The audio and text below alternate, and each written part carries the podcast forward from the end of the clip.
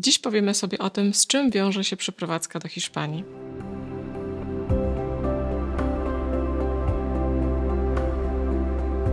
Cześć, nazywam się Anna Maria Panasiuk. Z wykształcenia jestem doktorem nauk prawnych i adwokatem. Z zawodu przedsiębiorcą oraz wealth advisorem. Hiszpania.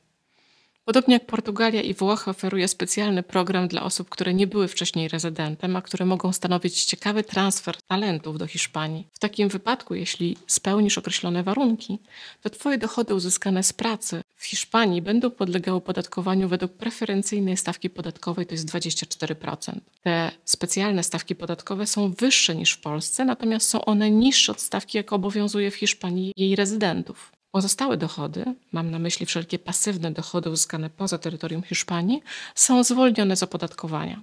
Ale jak to wygląda w szczegółach?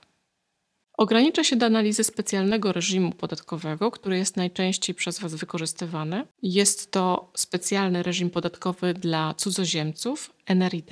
Hiszpanii obowiązuje mało znany dekret królewski z 2005 roku, który zmienia przepisy ustawy o podatku dochodowym w taki sposób, że obcokrajowcy, którzy przeprowadzają się do Hiszpanii, podejmą tam zatrudnienie, będą zwolnieni z obowiązku podatkowania dochodów uzyskanych poza jej granicami. Dekret ten nazywa się prawem Beckhama, ponieważ pozwolił Dawidowi Beckhamowi powiązać podjęcie pracy w Realu Madryt ze zmianą rezydencji podatkowej.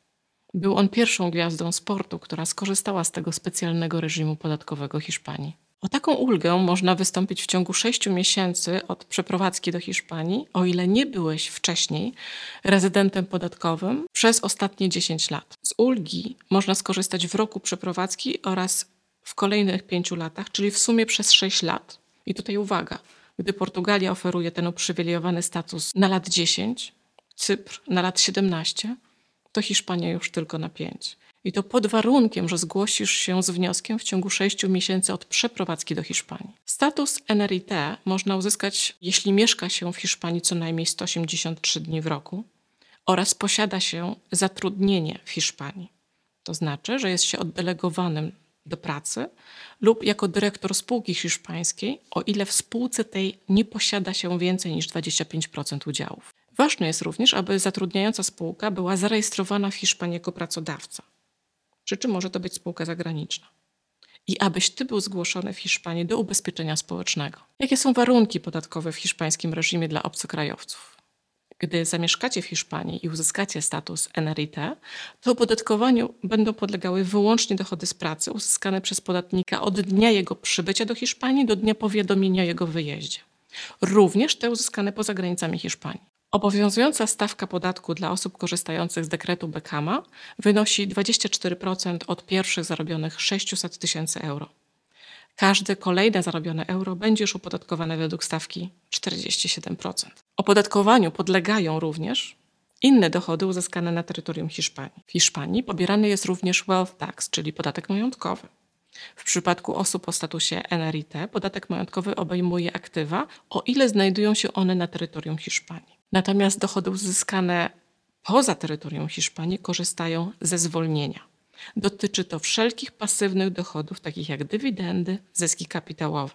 Zwolnieniu podlegają również dochody z kryptowalut, jeżeli zostały uzyskane ze źródeł poza terytorium Hiszpanii. Czy zatem warto przeprowadzić się do Hiszpanii? Raczej nie z powodów podatkowych. Ale jeśli tak ci w duszy gra, to warto skorzystać z tej możliwości. Być może z perspektywy hiszpańskiej łatwiej jest poukładać majątek niż z perspektywy polskiej, gdzie cały czas musisz myśleć o CFC oraz exit tax. Czy to jest trudne? Tak. Każda zmiana rezydencji podatkowej jest trudna i wymaga dokładnego przygotowania. Czy to się zmieni, czyli czy Hiszpania może zmienić system podatkowy? Oczywiście, że tak. Jednak regulacja hiszpańska nie była w Europie pierwsza ani ostatnia. Po kryzysie roku 2008 Portugalia zmuszona skutkami sięgnęła po tą metodę, chcąc ściągnąć talenty i wykształconych ludzi. Włochy postanowiły dołączyć do tego grona w 2018 roku. Międzynarodowa konkurencja o talenty, technologie i biznes trwa. Na dzisiaj to tyle.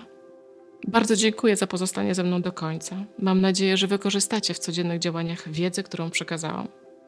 Zapraszam do subskrybowania kanału Wealth Advisor Anna Maria Panasiuk poprzez kliknięcie przycisku poniżej a także zostawiania komentarzy, na które w oparciu o moje doświadczenia i aktualną wiedzę z chęcią Wam odpowiem. Jeśli chcecie się ze mną skontaktować, zapraszam na stronę www.annamariapanasiuk.com.